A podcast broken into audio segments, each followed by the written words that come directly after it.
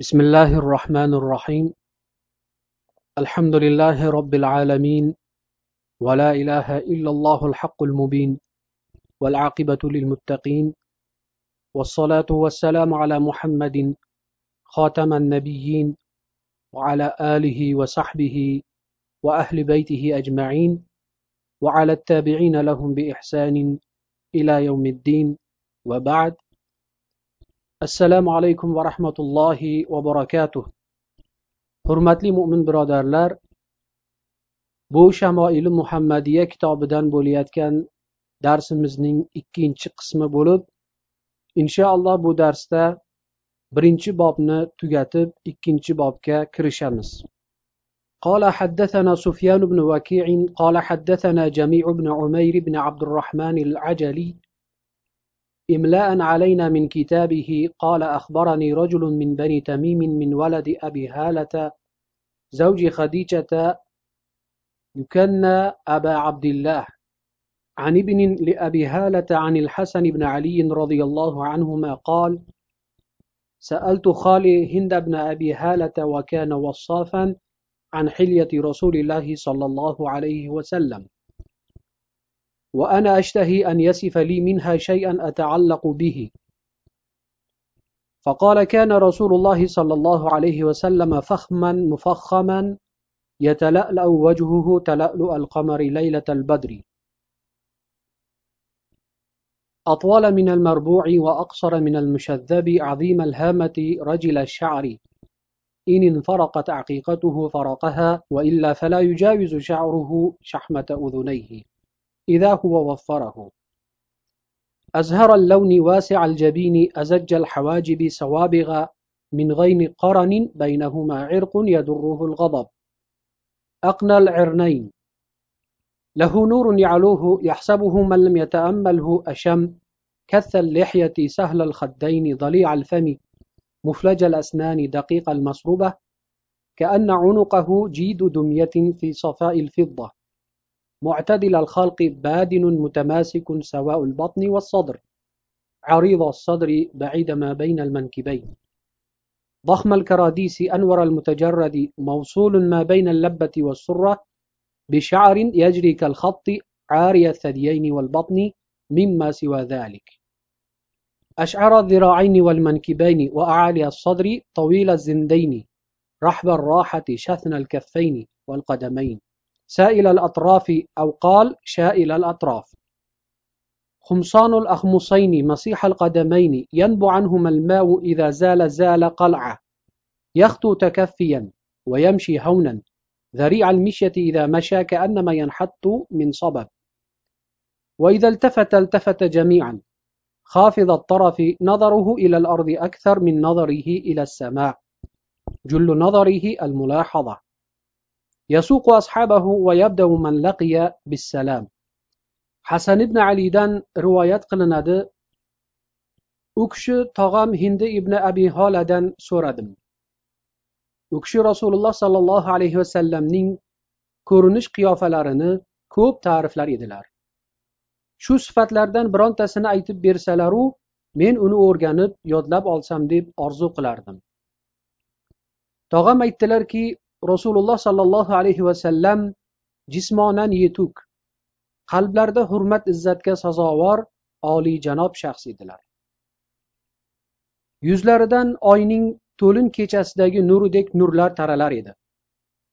O'rta bo'ydan salgina uzunroq juda balanddan pastroq boshlari kattaroq o'rta sochlik edilar. Agar sochlari yoziq holatda bo'lsa ikkiga farqlar edilar. Agar yozilmagan bo'lsa orqalariga bir boylam qilib olardilar. Shunda yon tarafdan sochlari quloq yumshog'idan o'tib ketmas edi. Bu soch o'rimi haqida kelgusi bobda batafsil inshaalloh so'z yuritiladi. Hadisning davomida aytadilarki ochiq chehralik peshonalari keng kamon qoshlari sertuk bo'lishiga qaramay bir biriga tutashgan emas edi. Ikki qosh o'rtasidan tomir o'tgan bo'lib g'azablangan vaqtda u tomir qonga to'lib ko'rinib qolar edi. Burunlari uzun va qirra burun edi. Burunning tepa qismida nur bo'lgan edi. Tikilmay qaragan kishi u nurni do'ngburunlik deb o'ylardi. Aslida unday emas edilar. Sersoqol yonoqlari bo'rtib chiqmagan katta og'izlik kurak tishlari bilan uning ikki yonidagi old tishlarining orasi ochiq bir biriga birikmagan ikki ko'krak o'rtasidagi tuklar kindikkacha yetib kelgan. Bo'yinlari xuddi kumushdan ishlangan suratning bo'ynidek oq edi. Ko'krak va qorin bir tekis bo'lib biri biridan oldinga bo'rtib chiqib turmas edi. Keng ko'kraklik va keng yelkalik katta boshlik edilar. Ikki ko'krak o'rtasidagi kindikkacha yetib kelgan uzun chiziq shaklidagi tuklardan boshqa ko'krak va qorin atroflarida tuk bo'lmagan edi. Ikki bilak ikki yelka va ko'krakning tepa qismlarida esa tuklar bor edi. Ikki bilaklari katta keng kaftlik oyoq qadam bosar o'rni ham katta edi. Qo'l va oyoq barmoqlari bo'liq bo'liq edi. Oyoq ostining o'rta qismi yerdan o'ta ko'tarilib ham juda yerga yopishib ham turmas edi. Va nihoyatda silliq oyoq bo'lib yorilgan o'rinlar yo'q. Agar suv iste'mol qilinsa suv yuqmasdi. Agar yursalar xuddi tepa qiyalikdan tushib kelayotgandek oyoqlarini yerdan dadil ko'tarib oldinga moyil bo'lib ohista va katta qadam bosardilar.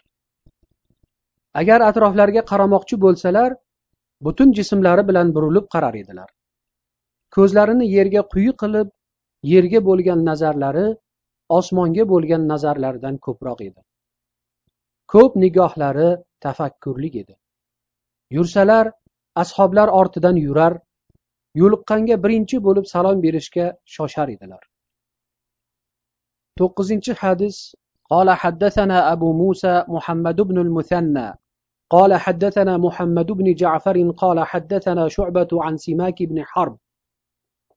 قال سمعت جابر بن سمرة يقول كان رسول الله صلى الله عليه وسلم ضليع الفم أشكل العين منهوس العقب. قلت ما ضليع الفم؟ قال عظيم الفم. قلت ما أشكل العين؟ قال طويل شق العين. قلت ما منهوس العقب؟ قال قليل لحم العقب. Jobir ibn samuradan rivoyat qilinadi. U kishi aytadilarki rasululloh sollallohu alayhi vasallam zaliul fam ashkalul ayn manhusul aqib bo'lganlar edilar. Roviylardan biri shuba ismli kishi simak ismli kishidan zaliul fam nima deb so'rasan u og'izning kattaligi deb javob qildi deydilar. Ashkalul ayn nima dedim? U katta ko'zlik dedi. Manhusul aqibchi desam u tovonning kam go'shtligi deb javob qildi deydilar. O'ninchi hadis قال حدثنا هناد بن السري قال حدثنا أبثر بن القاسم عن أشعث يعني بن سوار عن أبي إسحاق عن جابر بن سمرة قال رأيت رسول الله صلى الله عليه وسلم في ليلة إضحيان وعليه حلة حمراء فجعلت أنظر إليه وإلى القمر فلهو عندي أحسن من القمر جابر بن سمرة روايات qilinadi rasululloh sollallohu alayhi vasallamni oydin kechada ko'rdim deydilar egnilarida qizil rido va izor bor edi dam u zotga dam oyga qarayman meni nazarimda u kishi oydan ham nurafshon edilar o'n birinchi hadis قال حدثنا سفيان بن وكيع قال حدثنا حميد بن عبد الرحمن الرؤاس عن زهير عن أبي إسحاق قال سأل رجل البراء بن عازب أكان وجه رسول الله صلى الله عليه وسلم مثل السيف؟ قال لا بل مثل القمر. abu ishoqdan rivoyat qilinishicha aytadilarki bir kishi baro ibn ozib roziyallohu anhudan rasululloh sollallohu alayhi vasallamning yuzlari qilichdekmidi deb so'raydi shunda yo'q balki oydek edi deya javob qiladilar o'n ikkinchi hadis قال حدثنا أبو داود المساحفي سليمان بن سلم قال حدثنا النضر بن شميل عن صالح بن أبي الأخضر عن ابن شهاب عن أبي سلمة عن أبي هريرة رضي الله عنه قال كان رسول الله صلى الله عليه وسلم أبيض كأنما صيغ من فضة رجل الشعر bu hadis abu hurayra roziyallohu anhudan rivoyat qilinadi aytadilar rasululloh sollallohu alayhi vasallam xuddi kumushdan quyib olingandek oq yuzlik to'lqin soch edilar to'lqin sochlik edilar o'n uchinchi hadis قال حدثنا قتيبة بن سعيد. قال أخبرنا الليث بن سعد عن أبي الزبير عن جابر بن عبد الله أن رسول الله صلى الله عليه وسلم قال عرض علي الأنبياء. فإذا موسى عليه السلام ضرب من الرجال كأنه من رجال شنوءة.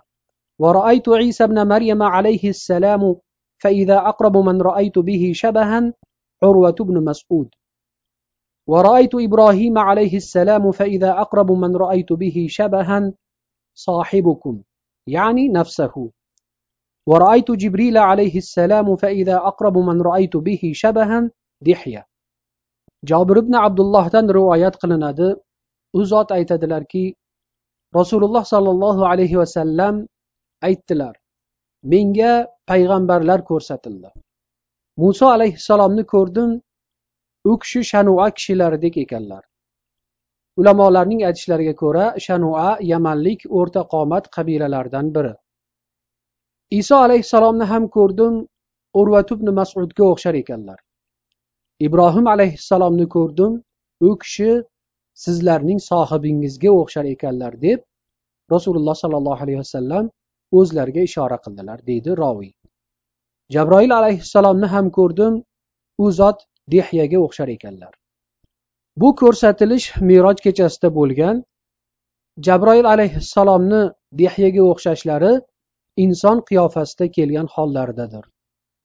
O'z shakllarida ham rasululloh sollallohu alayhi vasallam u zotni ikki marotaba ko'rganliklari boshqa sahih hadislarda rivoyat qilingan. Va o'sha hadislarda olti yuzta qanotlari borligi ham zikr qilingan. O'n to'rtinchi hadis قال حدثنا سفيان بن وكيع ومحمد بن بشار. المعنى واحد. قال أخبرنا يزيد بن هارون عن سعيد الجريري عن سعيد الجريري.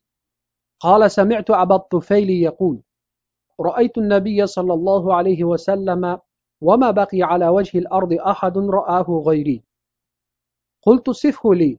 قال كان أبيض مليحا مقصدا said al jurayriydan rivoyat qilinishicha bu zot abu tufayldan eshitdim deydilar abu tufayl men rasululloh sollallohu alayhi vasallamni ko'rganman hozir yer yuzida u zotni ko'rgan mendan boshqa inson qolmadi dedilar shunda men rasululloh sollallohu alayhi vasallamni menga sifatlab bersangizchi dedim u kishi aytdilarki rasululloh sollallohu alayhi vasallam chiroyli oq yuzli o'rta qomat kishi edilar.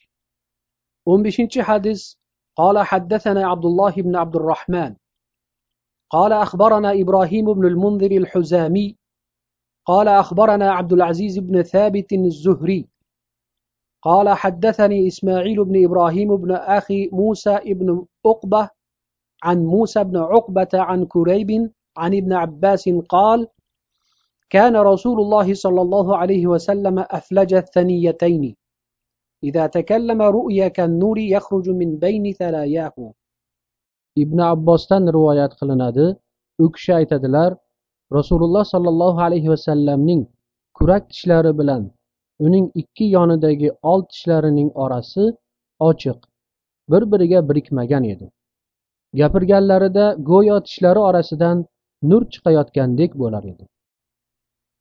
Shu bilan birinchi bob nihoyasiga yetib ikkinchi bobga kirishamiz. Inshaalloh bu ikkinchi bobda payg'ambarlik muhri haqida bo'lib bunda sakkizta hadis zikr qilingan.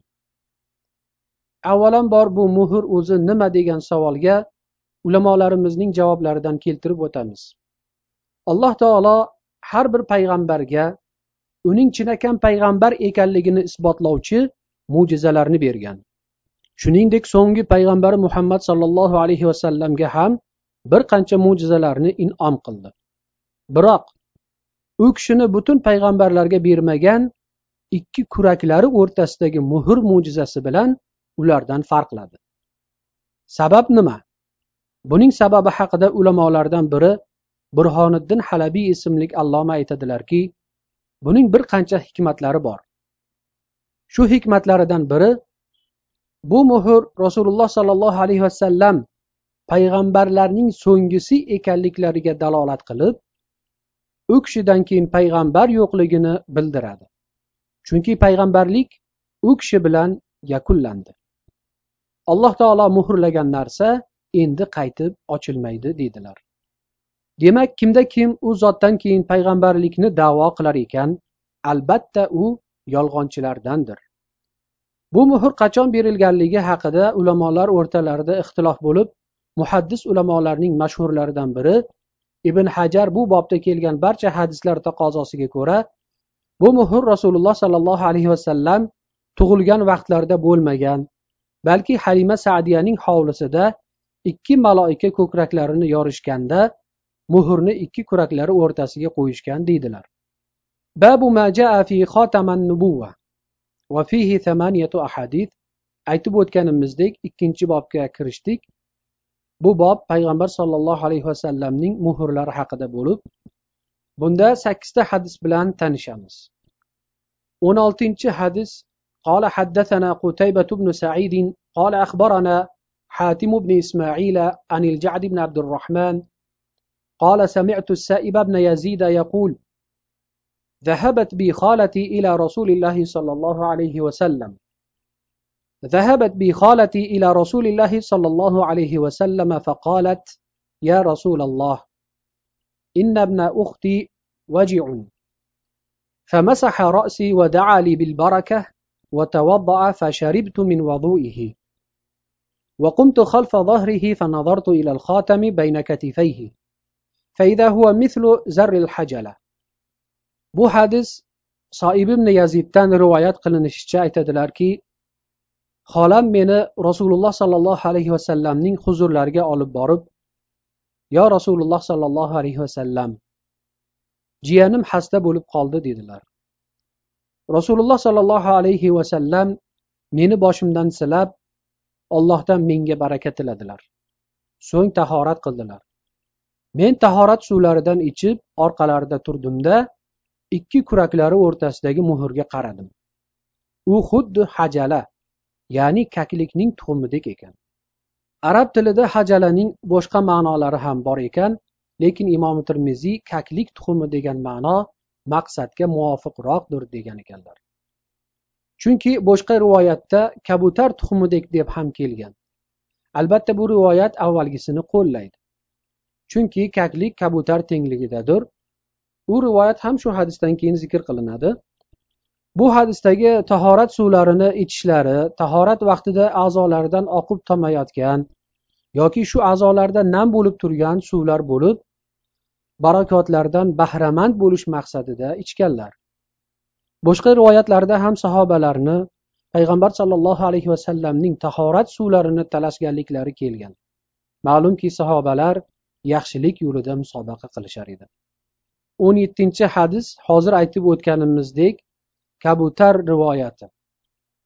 قال حدثنا سعيد بن يعقوب الطالقاني قال أخبرنا أيوب بن جابر عن سماك بن حرب عن جابر بن سمرة قال رأيت الخاتم بين كتفي رسول الله صلى الله عليه وسلم غدة حمراء مثل بيضة الحمامة جابر بن سمرة رواية قلدلار rasululloh sollallohu alayhi vasallamning ikki kuraklari o'rtasidagi muhrni ko'rdim u xuddi kabutar tuxumidek qizil bez edi deydilar ya'ni muhrning hajmi kabutar tuxumi barobaricha demoqchilar o'n sakkizinchi hadis قال حدثنا أبو مصعب المدني قال أخبرنا يوسف بن الماجشون عن أبيه عن عاصم بن عمر بن قتادة عن جدته رميثة قالت سمعت رسول الله صلى الله عليه وسلم ولو أشاء أن أقبل الخاتم الذي بين كتفيه من قربه لفعلت. يقول لسعد بن معاذ يوم مات اهتز له عرش الرحمن osim ibn umar ibn qatoda buvilari rumayso roziyallohu anhodan rivoyat qilishlaricha u ayol aytadilarki rasululloh sollallohu alayhi vasallamdan eshitganman. Agar ikki kuraklari o'rtasidagi muhrni bo'sa qilishni xohlaganimda imkoni bor edi. Sad ibn muoz o'lgan kun rasululloh sollallohu alayhi vasallam rahmonning arshi sad uchun tebrandi deganlar. Hadisni eshitgan vaqtda yaqin turgan holatlarini ham aytib o'tyaptilar. bu esa hadisning qadrini yanada oshiradi deydi muhaddis ulamolar chunki roviy eshitish vaqtida diqqat va e'tiborlik bo'lib o'sha holatini ham zikr qilishi hadisda xatoga yo'l qo'ymasligiga olib boradigan omillardandir o'n to'qqizinchi hadis قال حدثنا أحمد بن عبدة الضبي وعلي بن حجر أو حجر وغير واحد قالوا أخبرنا عيسى بن يونس عن عمر بن عبد الله مولى غفرة قال حدثني إبراهيم بن محمد من ولد علي بن أبي طالب أو من ولد علي بن أبي طالب رضي الله عنه قال كان علي رضي الله عنه إذا وصف رسول الله صلى الله عليه وسلم فذكر الحديث بطوله وقال بين كتفيه خاتم النبوة وهو خاتم النبيين. ali ibn abi tolib roziyallohu anhudan rivoyat qilinadi u kishi agar payg'ambar sollallohu alayhi vasallamni sifatlaydigan bo'lsalar ikki kuraklari o'rtasida payg'ambarlik muhri bor edi va u zot payg'ambarlar xotimasi ya'ni so'nggisi der ekanlar yigirmanchi hadis قال حدثنا محمد بن بشار قال أخبرنا أبو عاصم قال أخبرنا عزرة بن ثابت قال حدثني علباء بن أحمر اليشكوري قال حدثني أبو زيد عمر بن أخطب الأنصاري قال قال لي رسول الله صلى الله عليه وسلم يا أبا زيد أدن مني فامسح ظهري. فمسحت ظهره فوقعت أصابعي على الخاتم. قلت وما الخاتم؟ قال شعرات مجتمعات. أبو زيد amr ibn axtab al ansoriydan rivoyat qilinadi. Aytadilar rasululloh sollallohu alayhi vasallam menga ey abu zayd menga yaqinroq kelib orqamni sila dedilar. Men orqalarini siladim qo'lim xotamga ya'ni muhrga tegdi. Roviylardan biri aytadiki xotam nima deb so'rasam u ozgina tuklardan iboratdir dedi. Darsimiz shu yerda nihoyasiga yetdi. Alloh taolodan darsimizni bardavom qilishni so'raymiz. Va axiru da'vana anilhamdulillahi robbil alamin. Assalomu alaykum va rahmatullohi va barakatuh.